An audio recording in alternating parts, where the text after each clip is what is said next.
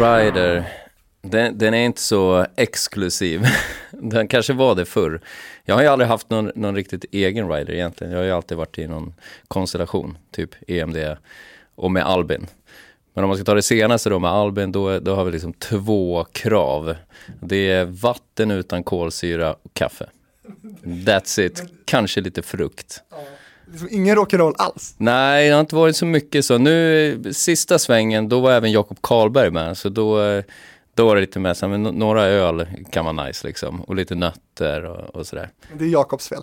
Ja, det är Jakobs fel. Vi skyller allt på honom. och så trisslotter. Men det är inte alla som uh, går med på det. För de vill inte stödja liksom, spelmissbruk så. Men vissa har vi fått. Då, nej, vi kanske har vunnit uh, en ny lott då, på, av alla gig. Men är du egentligen spelmissbrukare? Nej, verkligen inte. Jag tror jag har kört Lotto så en gång i hela mitt liv. Ingen tonfisk på riden då? Ingen tonfisk, den kör jag i studion. Ja. Sådär. Så att, eh, nej men det är det, kaffe och vatten. Det är bra. Från Kungsholmen, Stockholm, här är Hitfabriken. Jag heter Fredrik Rahlstrand.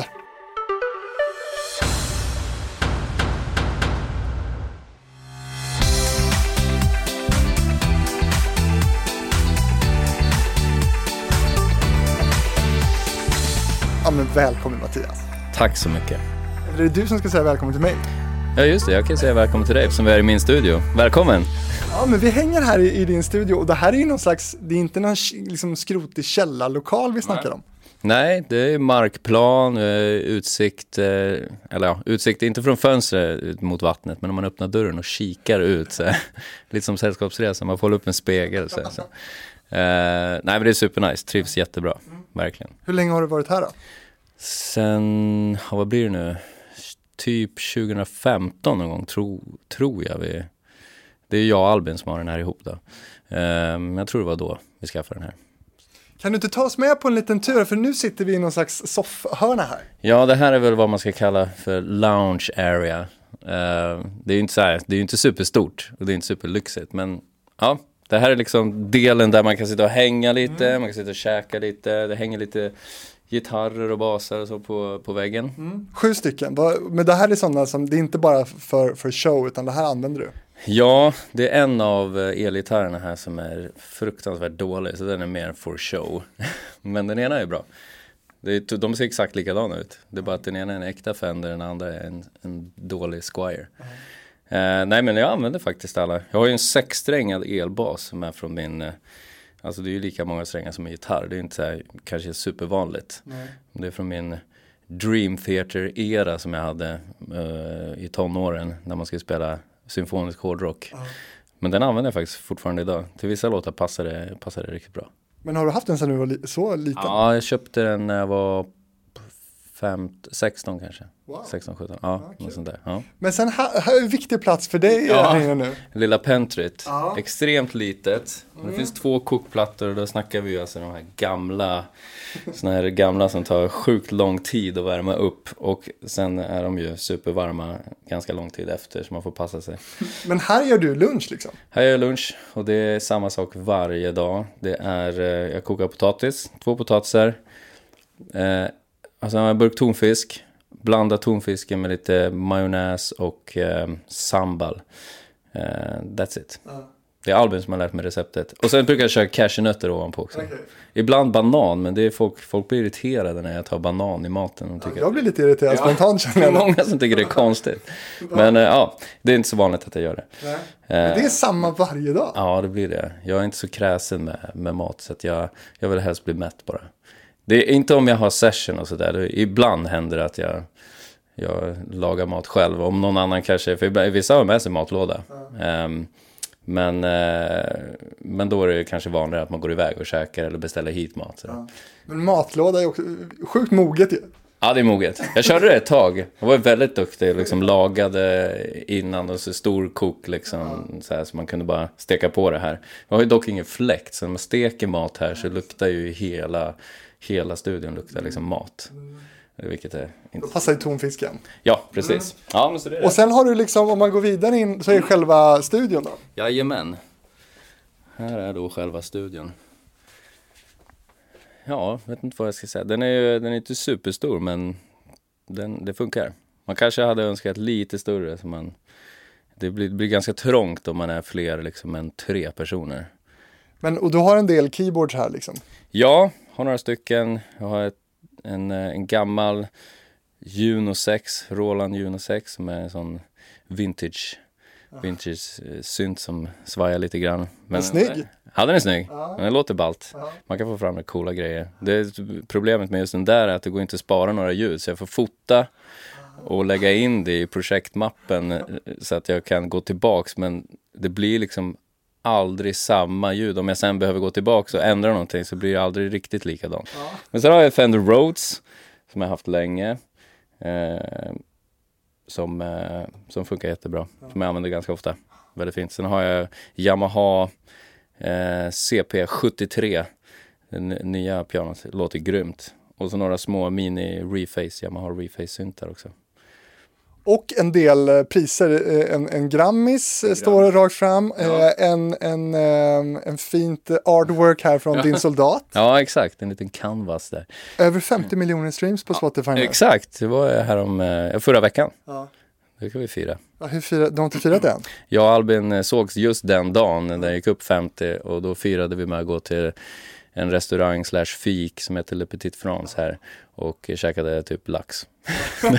och så har de ju så här, det ingår ju liksom någon croissant, så, så det blev finingen. Liksom. För de hade inte tonfisk? Nej, de hade ingen tonfisk, nej tyvärr. Men din soldat, den är inte gjord här? Nej, den är gjord med en eh, gamla studio som jag hade förut på Söder.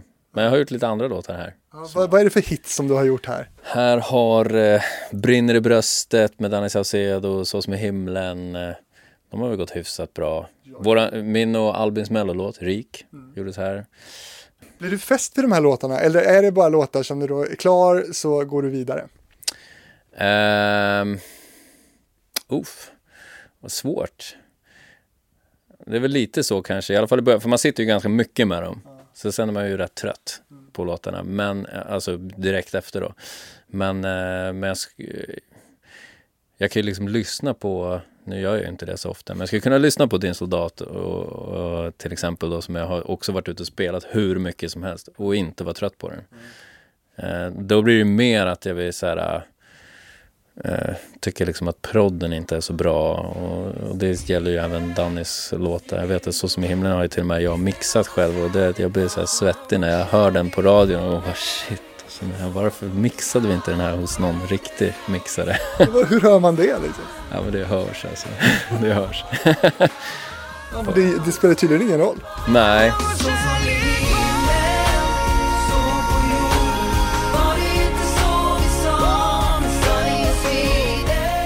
Ja, vi har ju pratat mycket om det, eller jag har pratat mycket med folk när man skriver musik. Och, alltså att så här, man lägger ner massa tid på att det ska låta fett och man håller på med de här mixarna, det skickas fram och tillbaka och så ska mastras. Och, och sen ändå vet man att så här, majoriteten lyssnar är liksom ganska dålig lyssning.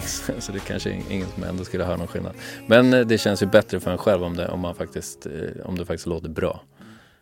Ser du någon skillnad mellan låtar som du har liksom suttit länge med och verkt fram eller låtar som tar så en kvart att skriva i hur, hur det går och popularitet och så? Mm. Nej, nu har jag ju inte skrivit eh, Dannys låtar, men eh, jag har ju proddat dem. Där jobbar vi ju liksom jättemycket fram och tillbaka, hit och dit och ändrat och massa sånt där. Och de har ju gått ganska bra. Din soldat, hur fort som helst. Eh, och gick ju också väldigt bra. Eh, så jag vet inte. Eh, ibland kanske blir lite överjobbat. Men din soldat, vi ska snacka mer om din soldat ja. såklart, men, men här, här sitter du och du är ganska ja. liksom, eh, disciplinerad här. Ja, men hyfsat. Jag åker på morgonen, så jag brukar vara här vid ja, men runt tio tiden kanske. Eh, sen sitter jag till åtminstone fem, men det har varit eh, en lång period där jag har suttit till kanske tolv på natten. Alltså jag har inte kommit hem före elva på kvällen. Men, Mattias, du skulle ju säga att du ska ha sovit här typ och så här. Har ja, du gjort har, det? Ja, det har hänt. Jag har liksom, för, det finns lakan och det finns ju en soffa. Soffan går att, att bädda upp så man kan sova. Så det gjorde jag ibland. När det är väldigt mycket, då är det bättre att sova här. Fan vad skönt med det, för det märks att du liksom inte är så här 20, det är inte så här bara slagga på soffan och ta en öl, utan det är så här, det finns lakan och... Ja, det finns lakan, det finns tandkräm, det finns eh, shampoo, dock ingen dusch, men man kan liksom, man får vaska sig i handfatet där som är extremt litet visserligen. Men, ja. Men du, vi, vi går tillbaka ja. till loungen igen där vi också är omgärdade av eh, en del eh, plaketter. Det är guldskivor och, och ja, det, det går bra nu. Ja, eller det gjorde jag. Nej, men det, det rullar på. Ja. jag har, jag har några, några skivor i alla fall. Det ligger ett gäng inne i, i, det, i förrådsrummet också ja. som inte, det får inte plats. Hos counting liksom. Ja men exakt. Keep coming. Ja. Du, först lite om ditt namn här, Mattias Andreasson. Eh, hur många möten har du haft med skivbolag och andra där, där har suttit och spånats på artistnamn till dig? Ja, jag vet inte. Jag, jag, själv har ju alltid tyckt att jag har världens sämsta namn för att vara artist. Eh, jag önskar att, eh, för min, min eh, farmor hette ju Stark i efternamn. I, i hennes liksom flicknamn. Ja, så min pappa var ju inne på att så här, vi måste byta namn bara för att folk eh, eh, sa ju Andersson oftast. Och jag har ju ofta, får ju ofta heta Andreas. För att Mattias, Andreas Mattiasson. Så det, det händer ju liksom jämt att folk kallar mig för Andreas. Tänk att heta Mattias Stark. Men varför byter du inte då? ja, nu känns det lite lökigt att byta, eller? Är det inte det? Att det är för sent? Typ. Ja, men typ. Mm.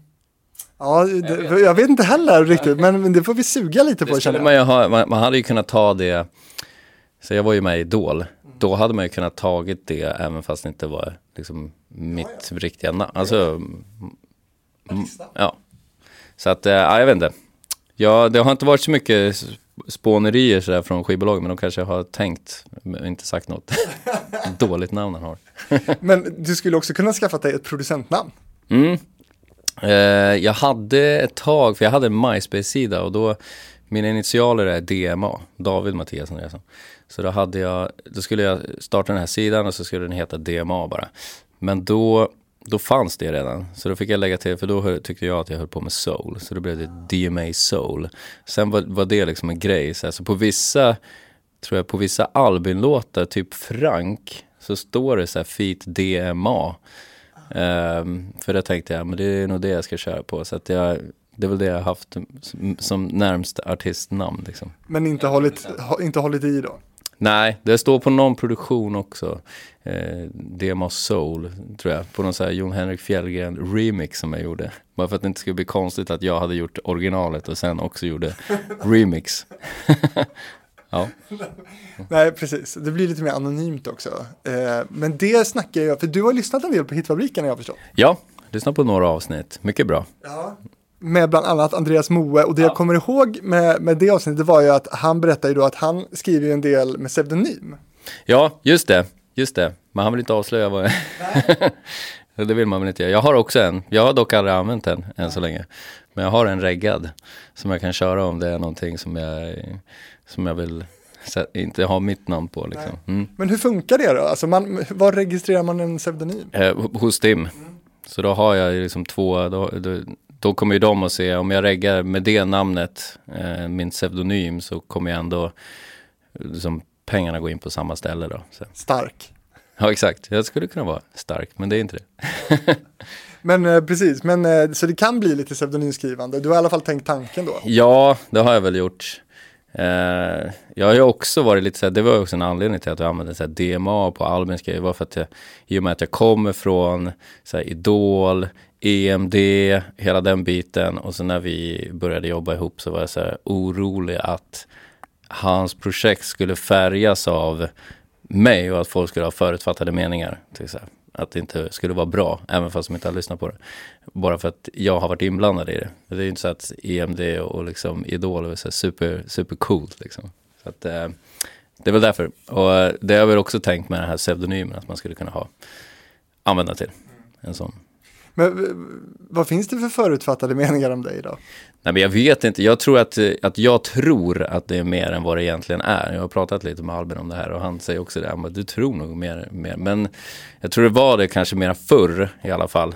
Alltså, att man, kommer man från Idol och EMD anses ju vara, alltså det var ju väldigt så skivbolaget som styrde liksom. Åk till den här studion, till, spela in din vers och då var inte ens Erik och Danny där och sen så åkte jag, alltså det blev väldigt fabriksmässigt liksom. Även fast det var Erik och Dannys idé från början att göra det. Så det var ju inte bolagets idé men eh, jag tror att folk liksom tänker att man inte, man, man kan inte så mycket.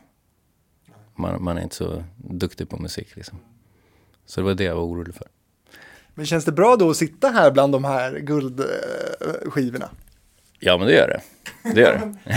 Nej, men alltså, mer än att du, att du har sålt mycket men att det också känns som att du har bevisat någonting. Jo absolut. Absolut. Det största, största är väl din soldat liksom som ändå känns som att det fick man ändå visa att man kan.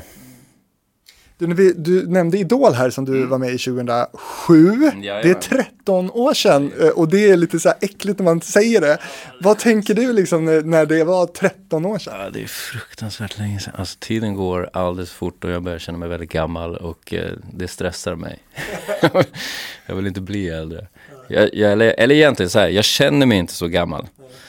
Fast jag kanske, jag kanske uppfattas gammal, jag vet inte. Jag tycker inte att jag uppfattas så gammal, men förmodligen de som är yngre, ibland har jag ju session med folk som är liksom födda på 2000-talet. De, de är ibland så här, hur gammal är du egentligen? Du är ju lika gammal som min, min pappa liksom. Ja. Fast inte riktigt, jag är inte riktigt så gammal, men nästan.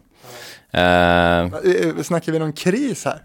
Ja men, jag kan känna ibland att det kommer lite sådär, lite, lite jag vet inte. Jag har inte börjat köra så här uh, Ironman-lopp och sånt där. Men uh, det kanske kommer. Men du har ett gym här inne? Jag har ett gym, har använt det typ två gånger. Ja. jag fick för mig att jag skulle, ja, att, att jag skulle skaffa mig ett gym och då kan man köra liksom mellan, uh, när, man, när man inte har några idéer, kan man gå in och träna lite sen. Det har ju, det har verkligen inte, inte hänt. Nej. Men du har, alltså, du har kört på ganska mycket med träning och sådär. Har det varit liksom ett, ett, intresse för dig eller har det ha, ha, haft något att göra med liksom ditt jobb? Eh, både och. Alltså jag, jag har alltid varit intresserad av, eh, eller liksom tyckt det är kul att, att gå och träna. Gå och gymma då framförallt. Eh, men sen var det ju när jag skulle vara med i Let's Dance. Som eh, Danny har ju varit med i Let's Dance. Då sa han ett tips. Eh, börja träna och skaffa PT. Kläderna är inte pösiga. och, så då gjorde jag det och sen, sen dess fram tills nu typ, nu, nu tränar jag ingenting förutom min cykling som är fyra mil om dagen. Um, men eh, men uh, jag tränade väldigt mycket ett tag och körde med PT och sådär. Det var ju det var grymt, grymt att, uh, att se vad man kan göra med, med sin kropp om man tränar sådär mycket. Känner du att du har haft någon så osund eh, förhållande till så här, eh, utseendefixeringen i din bransch ändå? Mm. har den påverkat dig på något sätt? Jo, men absolut lite. Det är klart man tänker på. Men det är också roligt när man eh, kollar tillbaks på sen typ EMD-tiden så, så trodde jag liksom att jag var så här, men för då gick jag inte och tränade så mycket. Han är i ganska schysst form så här. Man drog på sig något linne så här. Och så man kollar på bilder nu så här. Och inte så, så här halv sprittjock och liksom. det var inte alls bra liksom. Man gjorde några armhävningar när man gick ut på scen och bara så här. Yeah, nu kör vi. Uh, Nej men det är klart man, man har tänkt mycket på det. På hur man ser ut. Det blir ju så. Du har ju varit i en grupp också, jag tänker att du kanske ja. jämfört dig med andra nära dig. Ja, alltså jag och Danny tränar ganska mycket, vi jämförde ganska mycket och gick och, trä och gymma och man skulle vara stor och liksom det var den grejen. Och så här. Nej, sen skulle man vara slimmad mer och så. Du vet, det var olika trender i hur man skulle se ut. Men eh, eh,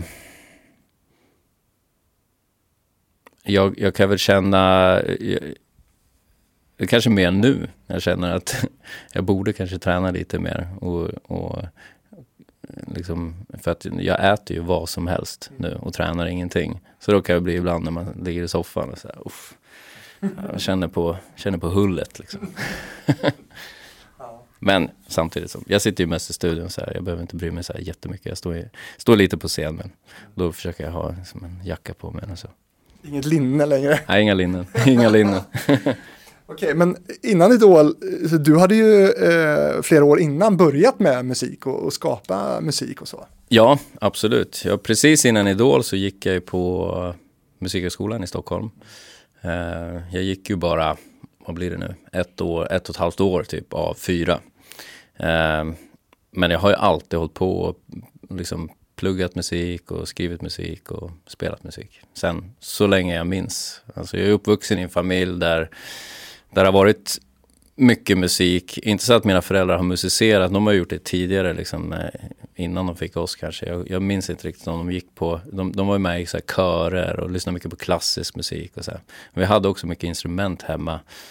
Eh, framförallt då den här flygeln som var min mammas gamla flygel. Så den, jag, jag var tidigt intresserad och spelade ju alltid. Eh, så länge som jag kan minnas. Jag ringde faktiskt henne och frågade och, så här, hur var det egentligen? Och hon sa det, ja men du kom ner på morgonen innan skola, gick och satte mig, spelade lite grann och, och sen samma sak, när jag kom hem så var det liksom det första jag gjorde, sätta mig och spela. Och trummor ville jag ha. Hade inga trummor. Så jag, hade, jag tog fram så här, de, mina föräldrar sparade alltid så gamla glassbyttor. Så jag tog dem och satte, satte vid högtalaren. Eh, och, och letade fram, vi hade ju bara vinylskivor så eh, det var ju mycket klassiskt men vi hade också lite Beatles. Men framförallt min favorit var den här Opus, Life is Live eller vad den heter. Heter den Life is Live? Varför lär man sig inte det? För man kollar ju upp det varje gång och så lär man sig aldrig vad det är. Ja, Ja, jag vet inte, men det är i alla fall det. Ja, jag tyckte den var så bra. Så då satte jag mig med mina glassbyttor och liksom skedar och spelade. Är det Life is live? Nej, det låter ju så konstigt. Ja. Men också att det kanske typ är så konstigt. Jag, ja, jag tänkte jag skulle googla det, men jag, jag, jag gör inte. Jo, men gör det, gör det. Vi, vi måste ta reda på det här en gång för alla. Nej. För jag har ju alltid trott att det var Life is life. Ja. När jag var liten i alla fall. Life is life, na na. Um, det måste vara den mest googlade låten. Det måste ju vara det. Och det finns väl bara den här live-inspelningen också. Den älskar man ju. Eller hur? Life is, jag skriver life is, och då kommer ju såhär life is life, lyrics, life is life, opus. Live. Nej, live is life. life is live, live is life. Aha, okej. Okay. Ja, sjukt. Då vet vi det. Live ja, is life. Men den satt du och kompade på hemma i alla fall. Ja, det gjorde jag. Och sen en dag när jag kommer hem, kommer jag aldrig glömma, kom hem från skolan. Jag tror att jag gick kanske i ettan på lågstadiet. Så sa mina föräldrar, men kom och, för det här, de, det här där stereon stod och där högtalarna var, det var liksom, det var i vardagsrummet men man såg det inte direkt när man kom in. I liksom i vardagsrummet. Det var som en liten vinkel på huset. Då stod det ett riktigt trumset där. Ett begagnat liksom. Så här. Men alltså den, den känslan var ju liksom wow. Och helt sjukt att mina föräldrar har stått ut med, för sen eh, spelade min brorsa också. Vi har liksom kört trummor och piano och bara, du vet, verkligen köttat. Vi hade ju såna stora hörselkåpor liksom. Och hela dagarna liksom. Eh, och de har liksom aldrig klagat.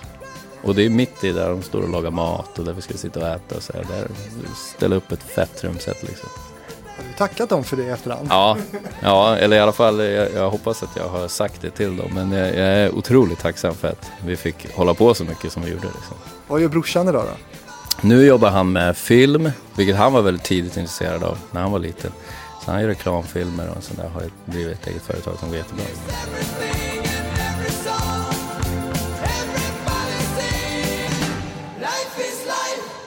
Varför hoppade du av Musikhögskolan? Ja, det var ju då när jag sökte till Idol. Eh, som eh, det blev, det föll sig naturligt liksom. Jag försökte ju få, vad heter det, liksom uppskov eller så här friår ta liksom typ tjänstledigt från. Men, men eh, det var inget giltigt skäl när jag hade fått eh, skivkontrakt då med. Så, men många fick ju, giltigt skäl verkade vara att så här, ta sabbatsår och dra till Thailand. Det var ju lite konstigt. De tyckte att så nej, men vi tar bort det så får du söka igen. Men eh, jag skulle aldrig palla och liksom ta upp allting. För jag fick, det gick ju ganska många år. Jag gick ju så här musikskola, fyra, årskurs 4 till 9 i Västerås. Så typ Adolf Fredrik som finns i, alltså det var mycket kör liksom och sådär. Och sen gick jag musikgymnasiet i Västerås. Och så gick jag folkhögskola här i Stockholm. Eh, men det gick ju några år däremellan så innan folkhögskola var jag tvungen att liksom plugga upp allting igen. Och sen så gick det några år och så var jag tvungen att plugga upp allting för att söka då. Det var ganska mycket svåra prov och många prov. För jag sökte flera olika linjer också. Så eh, till Musikhögskolan. Och då eh, det känner jag att det orkar jag inte ta tag i igen. Nu kan jag ju känna att det hade, varit, hade ju kanske varit rätt bra att ha en, en riktig utbildning som man var klar med. Jag har ju liksom ingen, jag har liksom ingenting. Men när känner du det då? För du bevisligen gått bra för det ändå. Jo, men ibland kan man tänka att, att det, man vet ju inte hur länge det håller liksom. Jag tar ju absolut ingenting för givet. Är du orolig för det? Ja, men ibland är jag orolig för det. Eh, det går ju väldigt upp och ner. Alltså, vissa, vissa månader så, går det, så är det massa jobb liksom och, och vissa är det ju typ ingenting. Så att, um...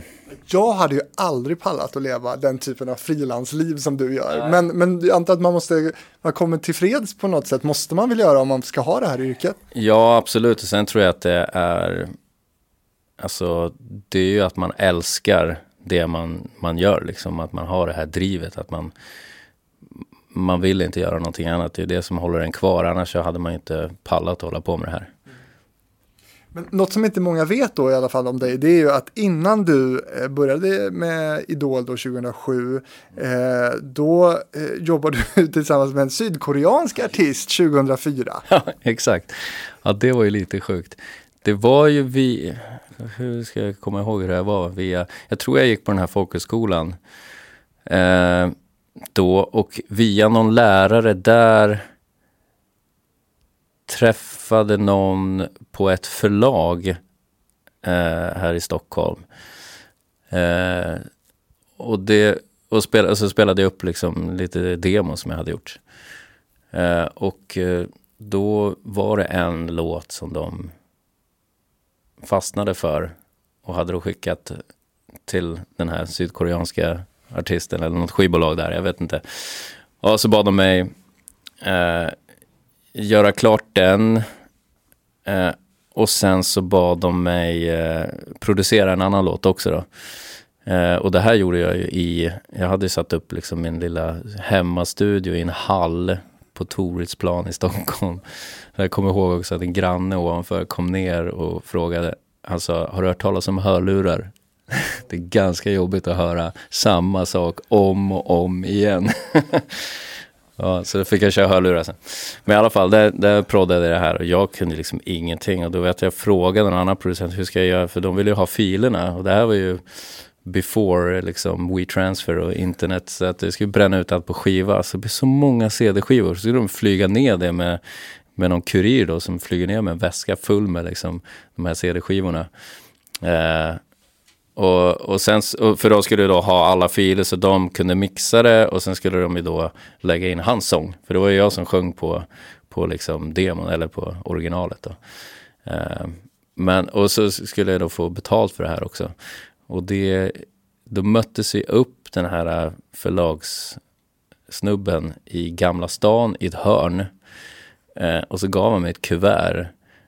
Och så skulle jag väl få 5000 för de här två proddarna, vilket jag tyckte var asfett. Men han drog också då några tusen, kommer inte ihåg, två, två, tre tusen för skatt. Fast han betalade svart. och jag är ju så här, jag är supergrön, okej, okay, så jag vågar inte säga någonting. Ja, så att eh, det var lite weird. Sen har jag inte hört någonting. Jag fick en skiva där mitt namn stod med, alltså, det tyckte jag var coolt. Eh, men jag liksom inte, du vet, inga stimreggat, liksom inga royalties, inget avtal. Eh, jag vet att en av de här låtarna, den som jag har producerat, den har ju han, han verkar vara ganska stor där, eller var, var i alla fall då. Tony Ann. Tony Ann, ja exakt. Uh, och han uppträdde med den i något tv-program och du vet alla skriker och sjunger med och det roliga är att man hör mina körer för refrängen är ju på engelska. You're like a blue, blue sky. Super cheesy låt.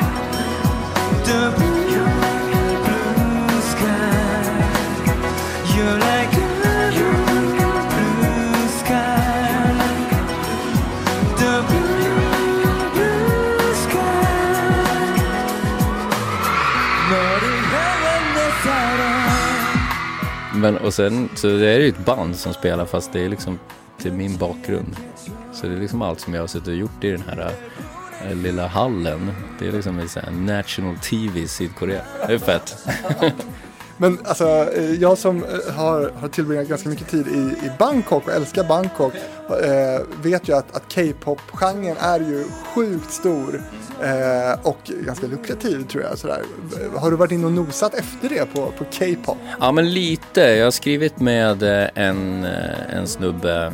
Det är, jag tror ingenting har liksom satts på någon artist. Men det finns en kille som heter Andreas Öberg som är väldigt etablerad i liksom K-pop-världen. Sådär. Så vi, vi gjorde några tracks, men sen, eh, ja, jag har inte hört så mycket. Men jag har varit sugen på att testa liksom. Men jag har ju också förstått då, när jag jobbade med honom, att det är, det är speciellt att skriva K-pop. Det är inte som att skriva en vanlig poplåt. För det är också, det ska passa deras, hur deras språk är. Du kan inte ha för, för vad jag har förstått som, det är så långa toner och så, det måste vara liksom mycket rytm och sådär. Och att det ska vara så här sjukt komplicerade stämmor och väldigt mycket, många stämmor. Eh, minst sex olika, för de är ju alltid så grupper med liksom 18 pers och alla ska ha varsin grej att sjunga liksom. Så, här, så det är ganska avancerat. Och mycket koreografi. Ja, precis. Liksom ja, ja, precis, precis. Ja, men det är häftigt. Det här med Idol då, i, i efterhand skulle du säga att det var liksom eh, värt för dig att vara med där? Var det din ingång ändå till, till den stora musikvärlden? Det tror jag, absolut. Uh, jag känner, när jag, när jag sökte, alltså det var ju så här, det var ju då några kompisar som, uh, som liksom tipsade om mig och då till TV4. Jag hade ju tänkt tanken, men jag skulle, jag är ju en människa som alltid har varit väldigt eh, nervös av mig i hela mitt liv. Är fortfarande nervös nu. jag är alltid nervös för allt. Eh, men det var värre förr. Så jag kände så här, jag kommer aldrig palla liksom. Jag kommer aldrig gå dit självmant. Men så blev jag ju anmäld. Eh, så då kände jag att men nu måste jag ju gå dit. Så Och så stod jag i den här kön. Eh, och, och så tänkte jag dra. Eh, men då fick jag en, en rejäl utskällning av eh, den här inslagsproducenten som var utanför där och skulle göra lite så små minireportage. Att eh, det kunde jag, jag kunde inte gå därifrån liksom. Så att det var bara bita i det sura äpplet och stå där. Fruktansvärt jobbigt. I alla fall. Eh, jag tror att jag hade säkert hållit på med musik på något sätt men eh, jag tror jag är lite för eh, ja, lite för liksom rädd och nervös för att, liksom ta, att jag skulle ta steget och liksom kontakta någon. Jag hade säkert suttit kvar med massa låtar och bara, ja men snart så ska jag, sådär. I hallen typ? Ja men exakt, så att det var en bra, bra spark i baken. Sådär. Mm. Men då måste jag ändå fråga, för, att, för det känns ju som att du har gjort ett ganska modigt val då, karriärval med tanke på din nervositet då, när du ändå utsatt dig för, för Sveriges största tv-program och, och turnéer med tiotusentals människor. Hur mår du innan ett sånt gig? Alltså i början mådde jag sjukt dåligt. Alltså Även sen när jag gick på eh, typ den här, eller ja, alltid när jag, jag fick sjunga solo liksom i skolan och sådär. Ställde också upp, vi hade en melodifestival när jag gick på lågstadiet. Ställde upp i den här Melodifestivalen trots att jag var pissnervös varje gång liksom. Men då var jag kanske så pass liten så att det ändå var okej. Okay. Jag var inte så jätte, riktigt medveten om vad jag, vad jag gjorde kanske. Eh, men sen när jag blev äldre, jag kommer ihåg jag sjöng solo i nian på, vi skulle ha någon sån här Beatles-konsert i skolan. Och så hade vi då en repetition och jag var helt oförberedd på att jag skulle ställa mig och sjunga inför alla. Så det var ju bara då niornas eh, kör. Eh, det var ju liksom, de hade gjort körarrangemang på Beatles-låten men det var även ett band som kompa. Liksom. Uh, och så sa bara körledaren att ja, då tar vi Back in the USSR och det är du Mattias, så du kan komma ner. Och det var 90 pers i kören. Alltså jag, du vet, jag höll på att skita ner mig. Alltså jag var så nervös. Jag kunde inte ens hålla i micken framför munnen för att skaka så mycket. Så jag var tvungen att lägga den på bröstet och sjunga neråt liksom sådär. Uh, men det gick bra. Ja, men hur har du handskats med det framåt då? Nej, och sen, så, sen har det varit den den nivån på nervositet hela tiden. Jag har nästan hållit på att svimma när jag stått på scen ibland. Och, Och inför Idol så jag, jag ringde dem på redaktionen flera gånger och sa att jag pallar inte det. Alltså då var det innan det, då, det var efter att jag hade sökt. Då är det ju långt kvar innan programmet ens börjar sändas. Och sen ska ju de, de här turnén sändas. Sen börjar ju liksom själv. Uh, jag ringde flera gånger och jag pratade med min mamma jättemycket och så här, jag, jag pallar inte det här. Och jag hade ju sånglektioner då på Musikhögskolan som där jag inte, jag gick ju runt och var liksom, hade andningen här uppe varje dag. Så att jag, jag fick ha avslappningsövningar och andningsövningar på sånglektionerna istället för sång. För det funkade inte. Jag fick liksom försöka varva ner och så. Uh, eh, så jag vet inte, jag har, den tanken har slagit mig så många gånger. Så här, varför gör jag det här? Det är ju inte ens kul. Men när jag väl står där efter en liten stund, då är det där borta liksom. Så att jag är alltid lite nervös. Nu är det ju inte på samma nivå alls. Eh, men jag är alltid lite nervig, det är man ju. Har du gått i terapi? Nej, kanske borde ha gjort. kanske. Ja. Faktiskt.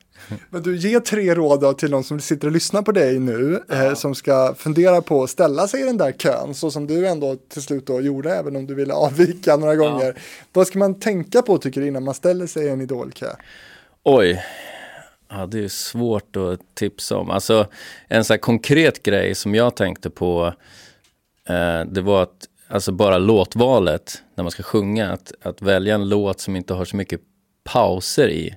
För jag fick ju gå på, först fick man gå på en för audition typ, för, alltså man fick sjunga för bara en, en, eh, en helt okänd jury för, som, från tv-produktionen.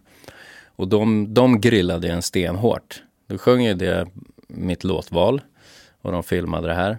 Och sen så sa de, ta, kör en låt på svenska. Och jag var helt oförberedd på det. Jag bara shit, vad ska jag göra? Alltså, och du vet, jag, jag var så nervös. Och så, väljer jag under ytan. Och när jag sjunger så, så kommer jag ju på att så här, ah, det här går inte. Du vet, under ytan finns stor. Så jag börjar hoppa över den där Pausen där. Under ytan finns stora, du vet, det blir jättekonstigt. Uh, så att uh, det, är väl, det är väl en grej. Uh, sen vet jag inte, alltså det en annan sak som var när man, när man var med det, det är att, alltså, media skriver ju om en så här. Man kanske inte var super, vi fick ju gå någon slags mediakurs. Uh, Eh, så där, man kan inte riktigt förbereda sig på att bli sågad i liksom alla tidningar. Och så ett weird grej att man sen ska träffa de här nästa fredag och de är så här, hej gud vad roligt! Och, och, och, så här, och sen skriver de ner den och sen är det nästa fredag igen. Alltså det är lite konstigt att förhålla sig till den grejen. Liksom. Hur fan förhåller man sig till det? För det, det måste ju artister som du råkar ut för även på typ Melodifestivalsturnéer ja. och så också. Ja, ja absolut. Nej, alltså i början blev jag ju, eh, man blir, man blir ledsen, man blir irriterad. Alltså det, och jag har också så här, uppträtt ganska mycket i Västerås på liksom den lokala scenen och då när man är okänd, eller när, jag, när man var det, så, så eh, då skrevs det ju oftast bra, eller typ alltid bra grejer. Så här. Vi hade någon hiphopgrupp, liksom, jag var sångare så var två killar som rappade. Och så här. Vi fick alltid liksom fina recensioner och jag fick fina recensioner för min sånginsats. Och så här. Och så kommer man till Idol och så bara dödssåga. Sen kan jag också tycka liksom när jag ser tillbaks på det, kanske det är liksom mina golden moments som jag har gjort där liksom. Jag önskar att jag hade varit lite mera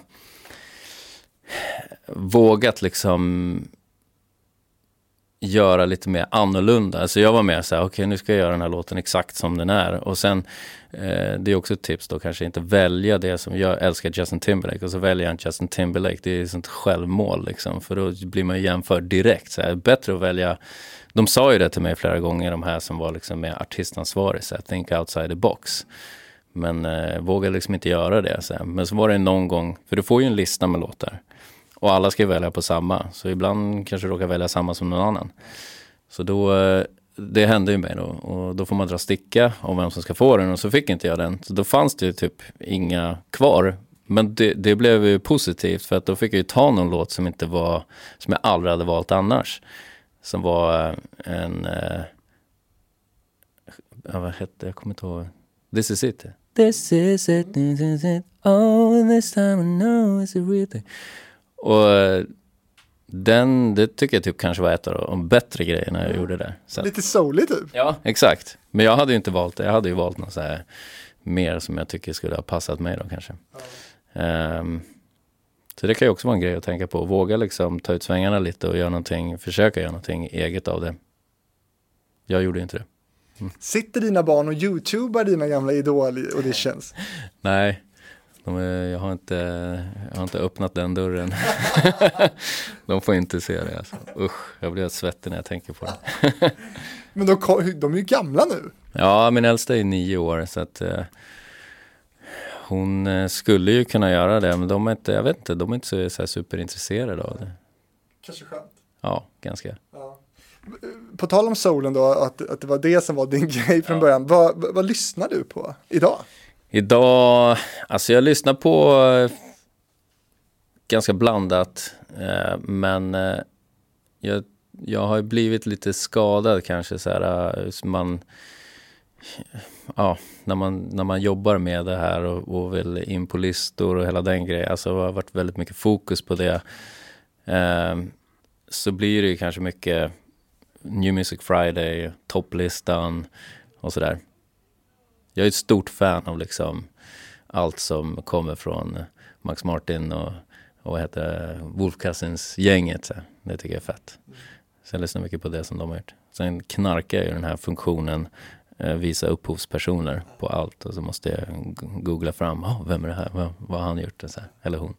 Det var, när vi körde någon EMD-turné så körde jag ju någon av de här gamla låtarna jag hade gjort som var lite sådär mera soulig vibe på.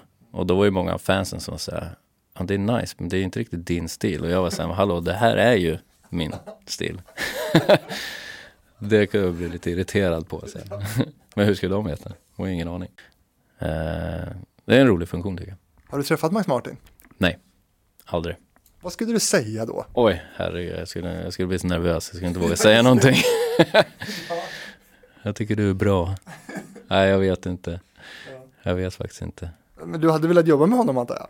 Ja, det hade ju varit, eh, det hade ju varit eh, så häftigt, men... Eh, hur gör, alltså hur, om du skulle bara sätta dig in i, alltså om du på riktigt skulle vilja göra det, hur skulle du göra, alltså hur skulle du ta kontakt? Uff. Uh, Ja, då skulle jag nog försöka gå liksom, via någon som jag känner. Som, som, för jag känner lite folk som är, eh, eller framförallt en kille, som är en av Wolf Cousins gänget sådär. Men jag vet inte, det skulle inte kännas helt rätt heller. Alltså, det, det kännas lite konstigt kanske. Men tänk om alla känner så, och så är det ingen ja. som gör någonting. Ja. Du kanske är den som ska. Ja, det kanske är det. Jag ska fundera på det. Ja. Det hade varit coolt ju. Det hade varit svincoolt, verkligen, verkligen. Något som Idol då förde med sig med dig, det var ju eh, EMD som du har varit inne på, eh, som ni ändå inte körde så många år ändå, 2007 till 2010 typ mm. va? Ja, exakt. Eh, och eh, alldeles nyligen när vi spelade in det här så uppträdde du med, med Danny i ett eh, tomt Globen. Mm. Eh, vad var Erik? Erik skulle ha varit med, men han hörde av sig typ två timmar innan och och mådde inte bra. Så han vågade inte komma. Um, tyvärr. Det hade varit roligt om han var med också. Men hela den grejen var ju speciell. Alltså, Danny mässade mig på onsdagen och bara tja, du jag skulle ju ha kört Globen på lördag men nu blir det ju inte av liksom. Jag tänker så här, jag har ändå redan hyrt den. Kan inte du och jag köra liksom bara, du vet, livestreama på mina kanaler och så. Så jag tänkte så här, han skulle typ, vi skulle sätta oss där, han skulle sitta med mobil och livestreama till sin Instagram. Och så kommer dit så är det liksom, eller när jag, jag träffade honom då eh, några timmar innan, hemma hos honom, det var då vi repade. Eh, och, eh, och då sa han, det är ett, det Aftonbladet ska sända det här, det är ju så här OB-buss och, och det är liksom kameror och alltså fett uppstyrt.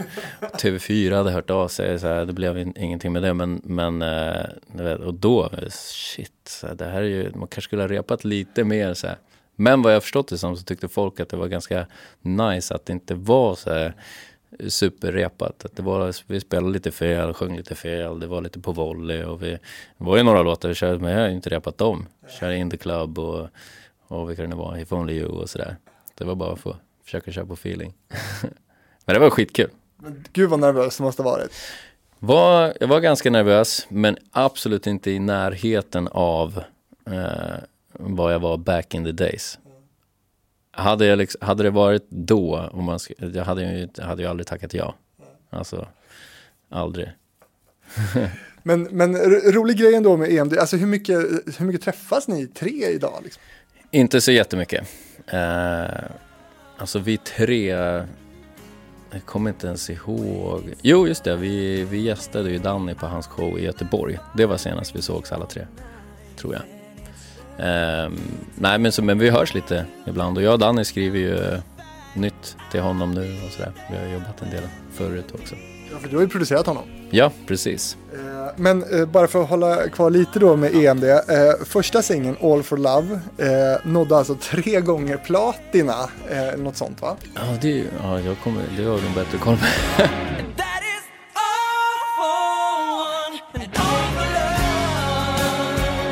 Men blev ni förvånade då över, över den framgången som, som det här ändå blev? Ja, men lite, alltså hela grejen var så här. Erik och Danny hade ju också varit med i Idol året innan mig. De åker runt på en sån här köpcentrumsturné där man promotar liksom sin eh, singel.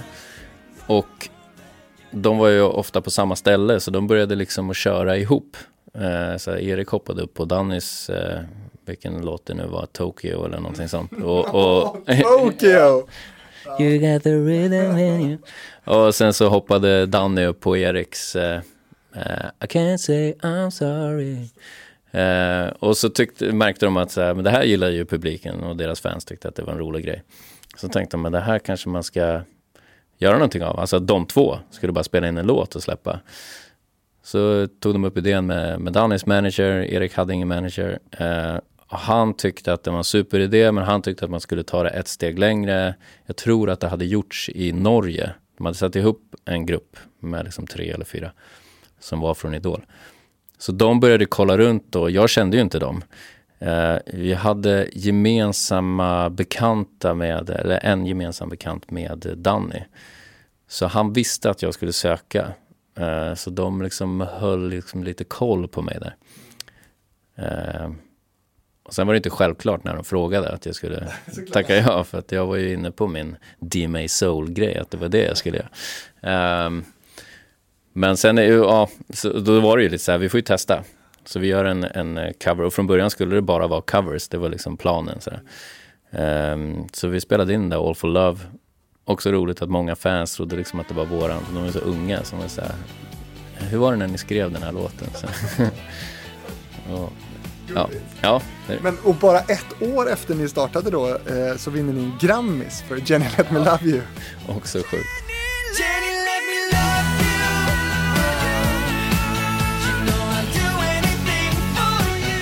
Där kan man ju också då tala om det här med skriverier. För då, då var det ju liksom, dels när, jag kommer ihåg när EMD, när det liksom outades officiellt att vi var en grupp så var det ju någon som skrev att EMD är värre än vinterkräksjukan. Eh, och sen så eh, att vi, alltså då i Magrammi så var det så att vi ens var bjudna att komma dit var liksom helt sjukt.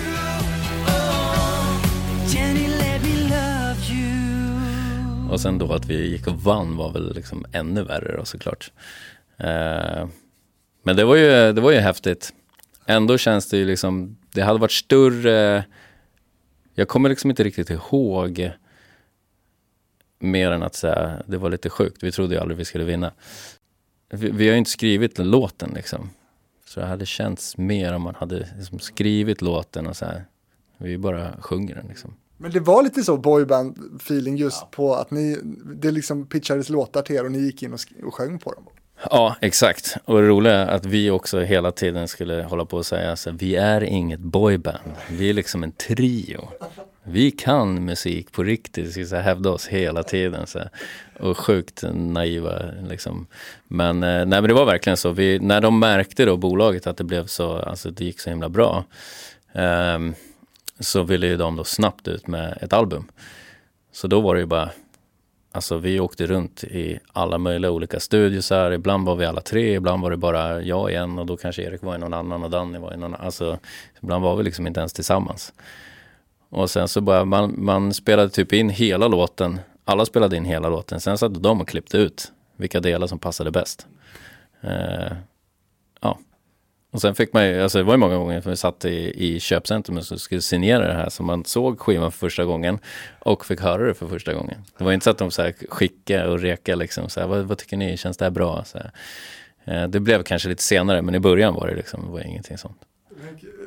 Hur ser du på det idag? Nej, jag kommer jag var sjukt irriterad då. Jag kommer ihåg att jag skickade så mail till skivbolaget och bara Alltså vad är det ni håller på med liksom? Christian Wall skulle aldrig gå med på det här. jag kommer ihåg att jag skrev exakt så. Och de, och de svarade till så här, vem tror du att du är?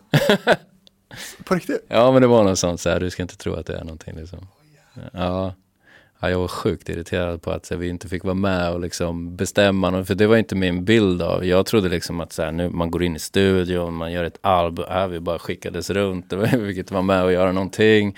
Du vet, plåtningar, det var så här ouppstyrt också. Liksom ta med egna kläder. Och sen hade vi liksom samma kläder på på de här signeringarna. Alltså det, var väl, det kändes lite som att jag hade behövt ett team som kanske äh, det, som hade en plan från bolagets håll. Liksom. Det, fanns inte, det känns inte riktigt som det fanns någon plan utan de var ju mer bara ut med skiva, eh, vi tar lite kort, skitsamma. Eh, liksom, och, du vet, sådär. Ja. Så att, eh, med, med tanke på er framgång så hade man ju kanske trott att, att, att det skulle satsat, satsas lite mer då? Ja, man kunde ju önska att det hade varit, varit lite mer så, men, men det var inte så. Det var inte så glammigt liksom. Men förändrades det där då? Nu när du hävdade då att du var någon? Nej, det gjorde det inte. Nej. Du var fortfarande ingen? Ja, exakt. Nej. Är du någon idag? Nej. Men märker du skillnad på attityden mot, mot skivbolag, förlag och så vidare? Eh, jo, det gör man väl. Men det kanske också är mer eh, nu när man har liksom skrivit och producerat grejer som liksom har gått ganska bra. 50 miljoner på Spotify. Ja, men precis. Uh, lite så. Men det, alltså, det är klart efter ett tag också när EMD var stora så, så var det väl kanske inte den tonen. Vem tror du att du är? det kanske inte var det. Men ja, jag köpte ju det där sen och tänkte så här, okej, okay, det är så här det är. Så att det var bara att köra på. Vilken är din favoritlåt med EMD? Uff. Så ska jag säga min sen. Ja, uh, Ja, det finns en låt som heter We Can, som den är fin. Hur går det nu? Jag kan inte texten. Den är fin. Albumspår? Ja, det är ett albumspår. Alone kommer jag ihåg, det var ju en singel. Men jag tror inte den gick så superbra. Men den tyckte jag. Alltså jag tycker ju liksom Baby Goodbye de här, de är ju roliga att köra. Vi körde den nu på Dannys show eh, där i Göteborg. Då var ju det i och för sig en, liksom en, en lite upphottad version, dock upphottad typ 2010. Eh, så, så att den var ju daterad på ett sätt, men den var lite, lite mera klubbig liksom i sitt sound. Eh, det, det var ju svinkul. Alltså det är, det är en bra låt.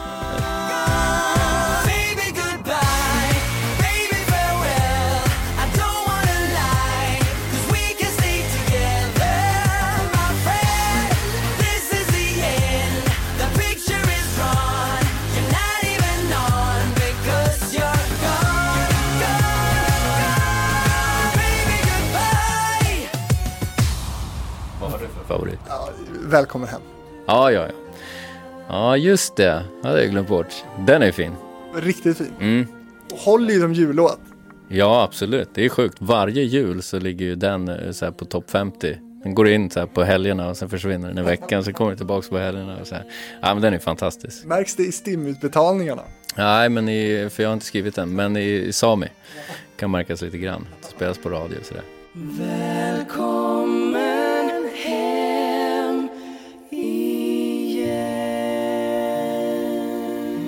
Eh, när man är då eh, ett, ett pojkband, vad får man för relation till tjejer?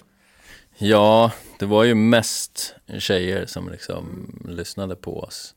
Eh, sen märkte vi en ganska stor, alltså så här, först, vad kan de ha varit, ja men typ så här mellanstadie, högstadie. Men när vi gjorde Melodifestivalen med Baby Goodbye, då gick det ju ner väldigt mycket i åldrarna. För jag kommer ihåg, ner, ännu mer ner? Ja, ja. För då hade vi, jag kommer ihåg att typ dagen efter hade en signering, skivsignering i Vällingby köpcentrum. Och det var fruktansvärt mycket folk. Jag kommer ihåg att eh, en kille från bolag, skivbolaget sa det, här, han var helt lyrisk liksom. Så här är så bra. Vi har inte haft så här sen, eller så här, jag har aldrig varit med om det här sen Markoolio liksom breakade. För han var med och breakade Markoolio. och att det var, då var det också så här, det var så mycket kids. Och då var det också mycket liksom små, små grabbar små, och de hade ju liksom, du vet, så här, hatt och käpp och de skulle ha samma frilla. Alltså det blev mycket den liksom. Så, här.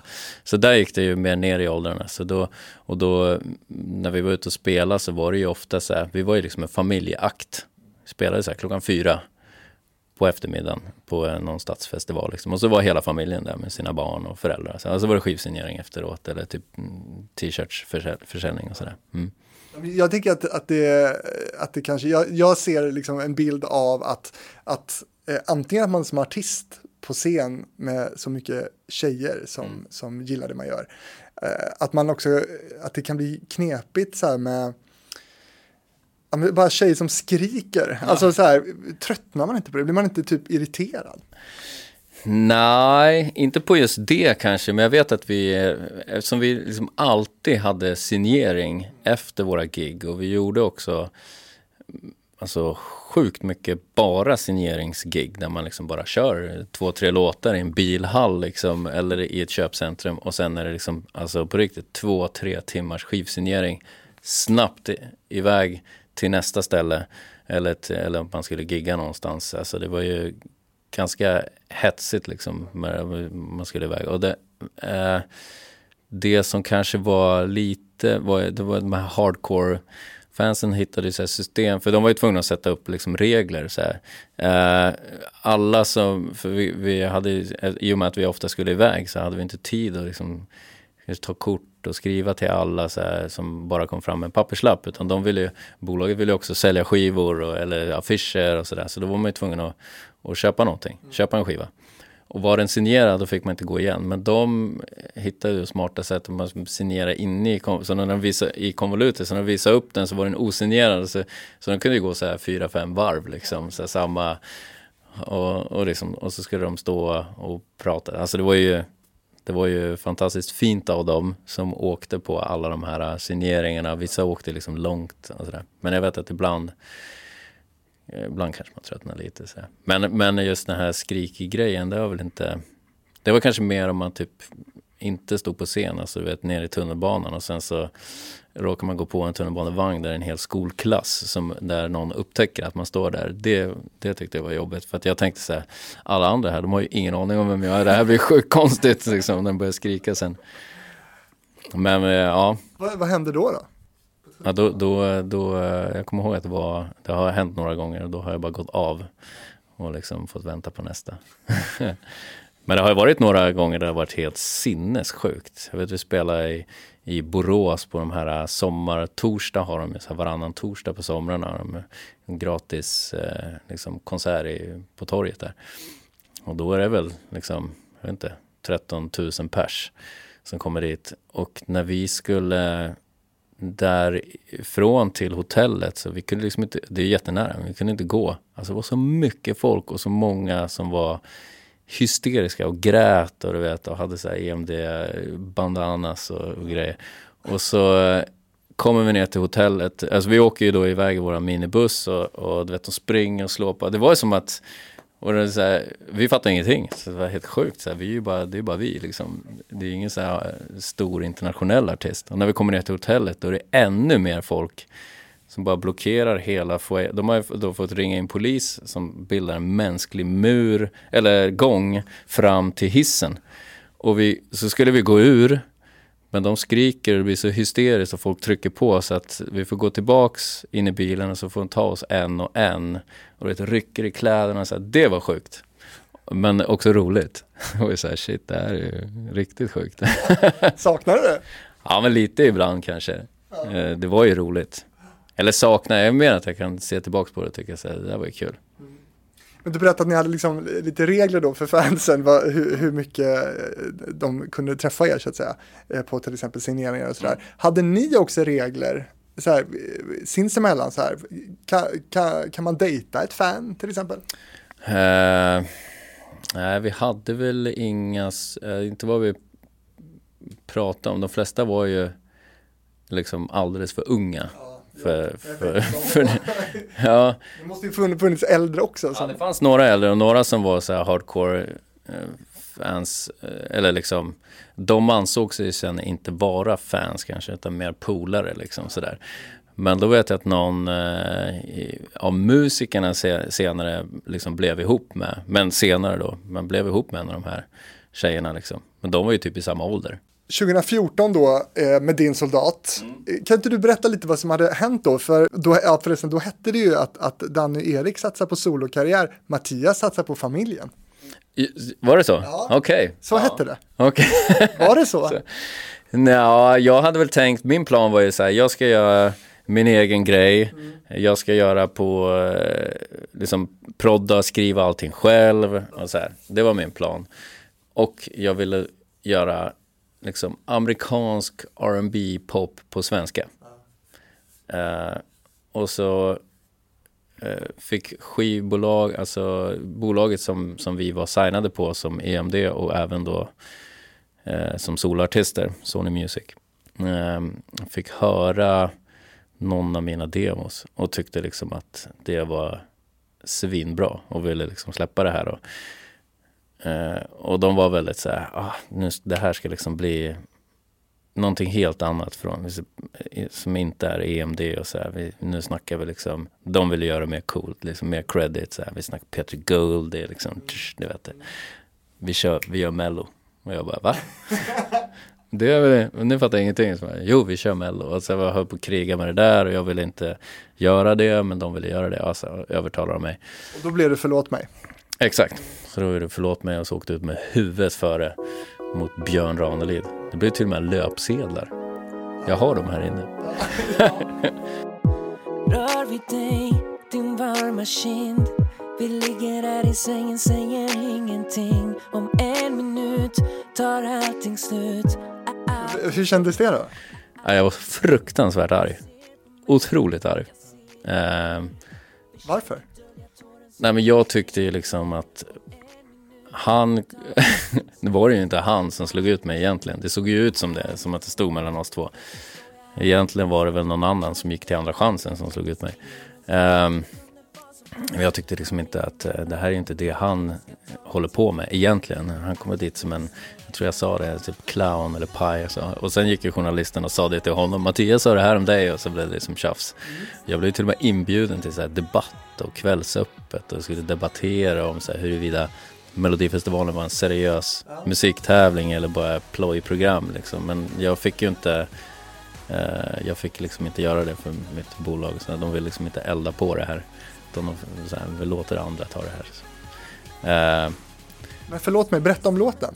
Ja, den kom egentligen till faktiskt när jag hade, alltså jag hade ju den här planen då att göra, eh, göra liksom modern R&B pop på svenska. Eh, vilket jag tyckte liksom att inte riktigt hade gjorts. Det fanns ju så här, eh, Nordic KKV tror jag släppte någon, de hade väl släppt någonting på svenska tror jag. Så de släppte någon av sina stora hits typ samtidigt. Oskar Lindros och Maggio fanns ju liksom, men det var ju lite mer så här retro sound liksom.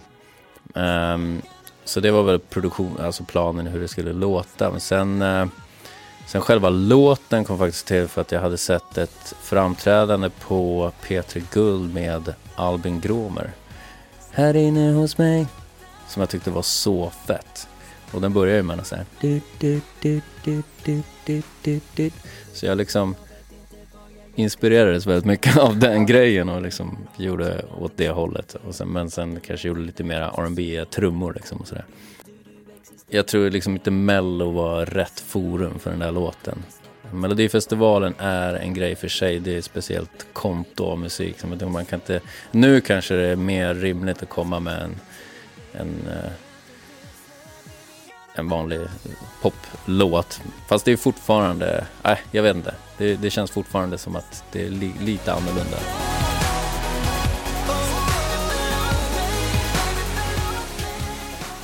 För, för, året efter, 2013, då är Erik Segerstedt med i Melodifestivalen ihop med Tone Damli och ska sjunga eh, Hello Goodbye, skriven av Måns Zelmerlöw för övrigt. Eh, och två från, eh, två från eh, vad heter det, Wolf Cousins, Mattman och Robin. Grymma killar alltså. Du älskar dem? Ja, jag älskar dem. Jag älskar alla dem. De är så bra. Men, men Tone kunde inte vara med på repet och då blev det du som blev Eriks duettpartner istället i, ja. på genrepet. Så otroligt fint, det finns ju på YouTube. Ja, jag vet. Det, det var ju bra ju. Ja, det var kul. Ja. Eh, tack så mycket. Ja. ja. det var ju väldigt speciellt. De, eh, de hörde av sig typ samma vecka. Eh, och sa det, vi, skulle du kunna tänka dig, så här, det, det blir en rolig grej liksom. Ja. Eh, och det var väldigt mycket spekulationer kommer jag ihåg från media. Så här, vem ska ersätta och, och eh, så här, vem kan det vara? Marie Holt eller så här, för någon, att de tänkte ju då att det skulle vara någon annan tjej som. Eh, men jag fick ju då, det var ju så här hysch hysch och jag kunde ju inte åka dit och repa. För då skulle de ju se. Så jag fick ju eh, de, fick, de fick filma tv-skärmen när, de, när Tone och Erik repade och så skickade de det till mig. Sen fick jag sitta och lära mig låten och lära mig hennes kameror. Jag fick kameraschema. Och sen fick jag bara gå in och köra. Och så satte, satte jag faktiskt allting. Det är ju en grej från Idol. Att man blir väldigt van vid kameror. Och hur man ska tänka sig. Och det var ju lite skriverier där om att, att eh, Erik och Tone kanske inte, det, det var ingen liksom gnista mellan dem. Mm. Och så blev det lite när ja. du kom in som han känner. Liksom. Ja, men jag kommer ihåg att eh, någon av de här uh, musikrecensenterna på någon av kvällstidningarna eh, skrev det. Hade det här varit liksom det, det, det numret som var så hade det gått till final direkt. Han tyckte liksom, och det, han var en av dem som alltid har hatat liksom på, på EMD och även på Erik och Tone då. Ja. Och till och med med puss på slutet. Ja, precis.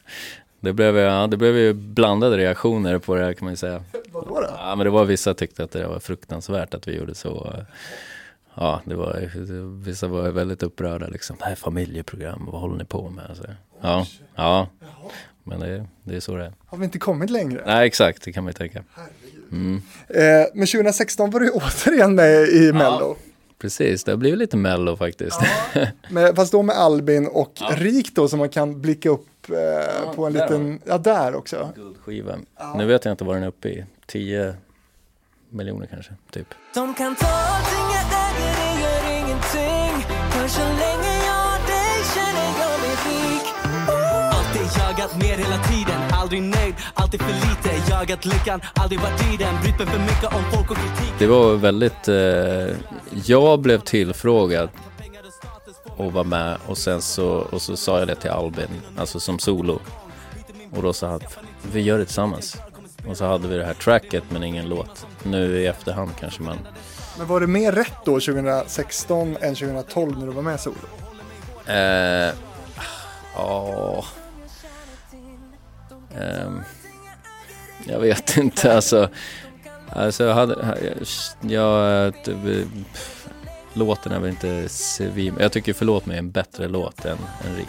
Det, eh, det blev väldigt sådär. Eh. Och sen var vi väldigt styrda av, alltså vi lyssnade alldeles för mycket på vad liksom bolagsfolk och förlag, alltså vad alla andra sa testa det här, ändra det här, byt tempo, gör prodden så här, ändra texten till det här. Alltså sånt som vi inte tänkte på när vi gjorde liksom Din soldat och alla de grejerna. För då, då gjorde vi bara det som vi tyckte var kul och var bra. Det blev så, så man, man tänker alldeles för mycket och det är farligt. Och ni kom till andra chansen i alla fall? Mm, det gjorde vi. Mm. Kommer du ihåg vem du åkte ut mot då? Eh, Boris René. Ah, ja. ja. Fotbollsspelare? Fotbollsspelare, men han var ju bra. Ja. Men förra gången var det en poet. ja, exakt. Fast han, Boris René var ändå, eh, han kan ju ändå sjunga, alltså, jag vet inte, kärleken, kärleken, kärleken. det, jag räknar inte det som musik. Kärleken, kärleken, kärleken, oj, oj. Du är fortfarande lite beef med honom. Ja, jag vet inte om jag har någon beef men jag ändå tycker fortfarande att det var en märklig grej. Hela hans grej var märklig. Men eh, det, det känns som att du har en liten kluven relation till Melodifestivalen i alla fall. Ja. Blir det något mer eller tror du? Eh, ja, ska, man ska aldrig säga aldrig. Nej. Absolut, det skulle det kunna bli. Nu har jag ju liksom inte riktigt samma ambitioner heller som artist. Så här. Jag känner inte att jag, jag känner att jag kan, jag skulle kunna göra mello. Alltså många andra tänker så här, om jag gör mello, alltså, då, det kan ju förstöra då om jag bygga upp någonting som, som är mer seriöst. Alltså. Eh, Credit. Ja, men precis. Eh, för mig mm, spelar inte det så stor roll längre. Det gjorde det förr. Absolut. Alla har ju varit med i Mello nu. Ja, men typ. Björn Ranelid till exempel. Men i år var jag ju med också, fast under scen. Ja. Eh, under, under Albin, eh, stod jag under scen och köra. Jag har proddat den låten också. Och sen på Jakob Karlbergs. Eh, och då stod jag på scenen och spelade bas och köra. Och proddat den låten. Hur var det då att vara liksom inte huvudartist? Det var, det var askönt. Det var grymt att stå under scenen. Alltså. Det var så kul.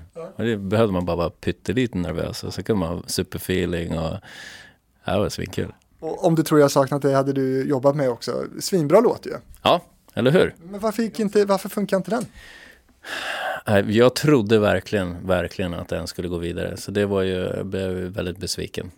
Det var två besvikelser i rad där. Liksom. Först Albin veckan innan och sen, sen eh, Jakob då. Men här, jag, jag, det är det som är med Mello. Man har ju ingen aning alltså. Man har verkligen ingen aning.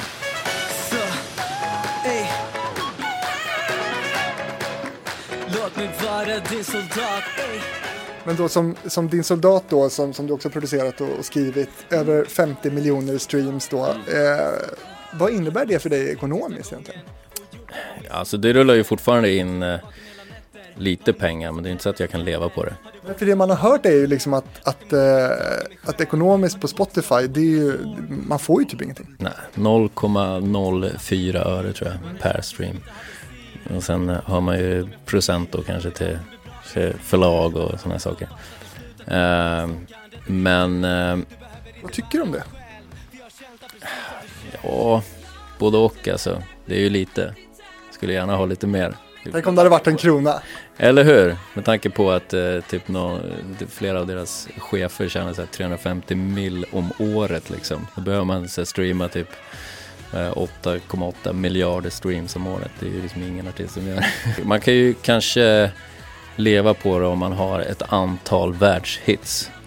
För i början där, eh, då, då trillade det igen liksom bra, bra med pengar. Det var inte så att man kunde lägga av, men, eh, men, men ändå så här ja, man fick, man fick lite pengar i alla fall.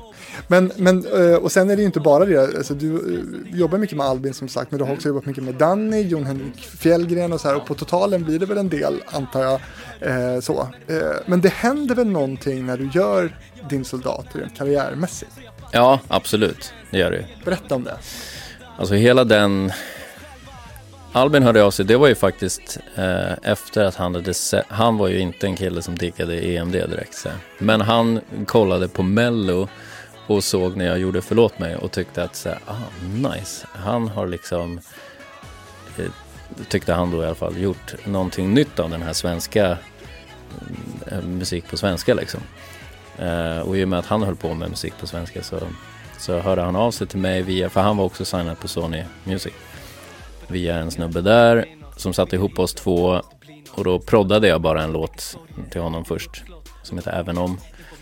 Och sen sa vi, men vi kanske ska testa att skriva någonting ihop. Eh, och så spelade jag upp lite av mina, jag hade gjort ganska många låtar som var tänkt att skulle släppas som aldrig har släppts. Men det var det en som var liksom åt din soldat hållet, framförallt pianot så här. Så vi tog liksom inspiration från det, de är inte lika men vi tog inspiration från det. Eh, och så gjorde jag ett track, skickade till Albin, jag sjöng in två olika melodier, bara nynnade. Han fick välja, han valde, eller jag frågade sig vilken tycker du är bäst? Jag tycker den andra är bäst och det är den som är liksom. Alltså det, det gick ju så fort och han skrev eh, liksom rap och refräng eh, samma, samma eftermiddag kväll. Skickade på så här röstmemo till mig. Och sen så var det då Albins manager då som eh, tyckte att eh, Kristina Amparo skulle sjunga. Vilket var hur grymt som helst. Det var en fröjd att spela in henne också. Du vet, när det var så här, allt hon gjorde var liksom wow, var så bra. Um, och sen så, då var ju han signad på Sony. Och sen så eh, visa, skickade han låten till dem. För han hade en låt kvar att släppa där. Men de tackade nej. Och då hade han också bekostat allt. Eh, den var liksom mixad, mastrad, eh, omslag, allt klart. Han liksom fixade allting själv. Eh, men de tackade nej. Och sen så gick ju då hans manager runt på alla bolag. Alla tackade nej. Tyckte att den inte var tillräckligt hittig, att soundet var förlegat och det var liksom så här. Så det var ju som backfire, vi kände liksom fasen också. Så. För vi tyckte ju att den var grym liksom. Eh, men radio var ganska positiv och intresserade. Eh, och eh, frågade liksom när släpps den här alltså. Men så det slutade med att vi fick släppa den själva via spin-up. Och sen vet vi inte vad som hände. Den liksom spred sig på något sätt via sociala medier. Folk började liksom ta delar av texten och skriva, du vet, som, som liksom en Låt mig vara din sedat och så kanske det var en bild på ens eh, partner eller någon kompis. Alltså det var på det sättet liksom och bloggare som la upp och så här, och, och sen bara small det till alltså. Och den sommaren, vet, vi skulle, han signade ju med ett, den släpptes väl, släpptes i slutet på mars tror jag. Och det tar ju ett tag för en låt att liksom eh, växa, framförallt om det är helt okänd liksom.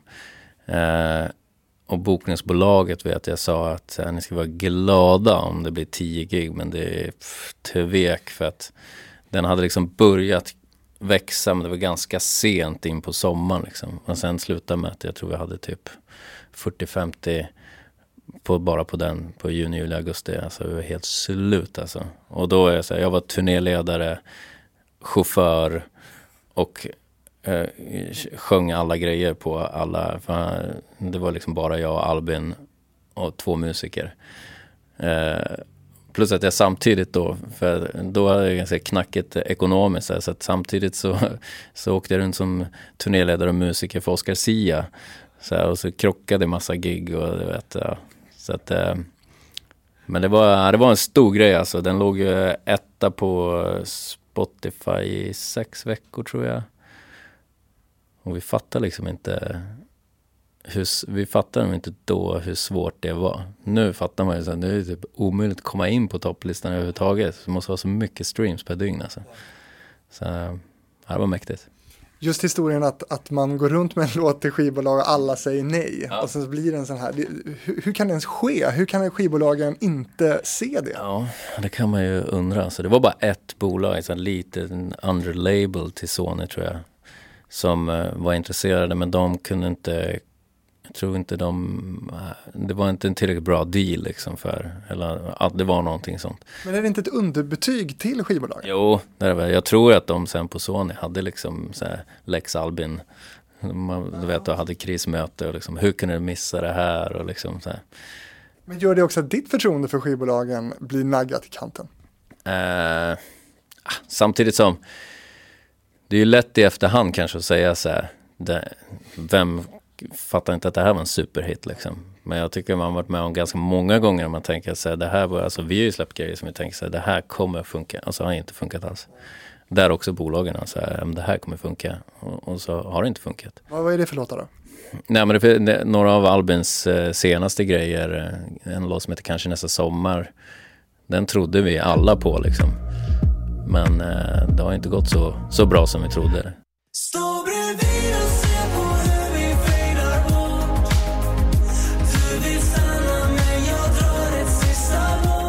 På skivbolag har ju efterhand sagt att så här, det var sjukt att vi missade det här, faktiskt. Och att det hände någonting då 2014 med din soldat och för dig eh, bevisar ju sig då eftersom att du har jobbat med väldigt många sedan dess. Julia Adams, Kristina Amparo, Niel och Lisa Ajax och Jakob Karlberg, André Sunniga som jag älskar. Ja just det, jag gillar honom. Ja, ja, han är grym. Men vad fan gör inte han mer för med sin röst? Ja, jag, jag vet, men han gör väl lite grejer. Ja, lite så här, men jag vet inte hur mycket han släpper släpper vad, vad är det svåraste då med att få en hit? För det känns som att du, du letar ju hits liksom. Du vill skriva hits. Vad, vad är, vad är det svåraste? Uh, ja, det, det, jag vet ju liksom inte längre känner jag. Eftersom jag, jag trodde att man eh, visste när man hade en hit. Uh, men uh, i och med att det flera gånger har varit så här, det här, det här känns som en hit och så, så, så blir det inte det. Så det är svårt att säga. Eh, Vad jobbar du på just nu? Eh, Just nu jobbar jag med Albin, några nya grejer. Jag jobbar med Danny på några nya grejer. Jag har en låt som kommer släppas med eh, en kille som heter Aron Blom. Som jättefin låt. Det är väl inte sådär... d- Det, det är en fin låt, det är liksom en bra låt tycker jag. Eh, som jag är väldigt stolt över. Eh, men det är ingenting jag tänker säga, det här kommer bli en super smash. Men det är kanske då det händer. Vem vet? Ja, inget med under pseudonym på gång. Nej, ingenting sånt. Inte än. Och nästa år fyller du 40. Ja, usch. Det säger ingenting mer om det. Men grymt, vad, vad kul eh, att ha med dig i eh, Hitfabriken Mattias. Vad, vad roligt. Tack så mycket, superkul att få vara med. Men du, eh, det här med att stå på scen själv och så, är det någonting som du eh, tänker att du ska göra framöver? Ja, men kanske, kanske göra någonting. Jag har lite svårt att komma på liksom, li- lite vad jag ska, vad jag ska göra. Jag, jag så här, svänger emellan olika idéer. Jag får ibland lite så här, "Oh, det här borde jag göra. Och sen så tappar jag bort det och sen kommer det någon ny idé liksom. Och då har jag en fråga, bli inte ledsen på mig nu. Men är, är det svårt när man är just 40? Alltså för, nej, för jag tänker att, att, att man ska hitta sin, man ska hitta sin publik. Man, Ja. Finns det som man, liksom artister som är 40 som, som släpper hitmusik?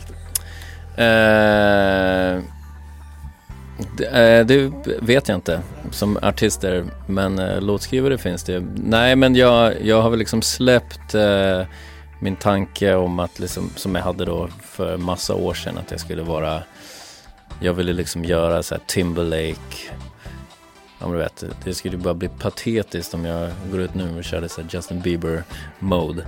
Eh, så i sådana fall så blir det ju mer sitta vid pianot och liksom kanske mer organiskt. Alltså den, jag tror det, lite mer avskalat organiskt pianobaserat. Om det skulle bli någonting, jag vet inte. Och Mello då? Ja, då får det bli Mello. ja, Mattias Andreasson, tack för att du var med i Hitfabriken. tack så mycket.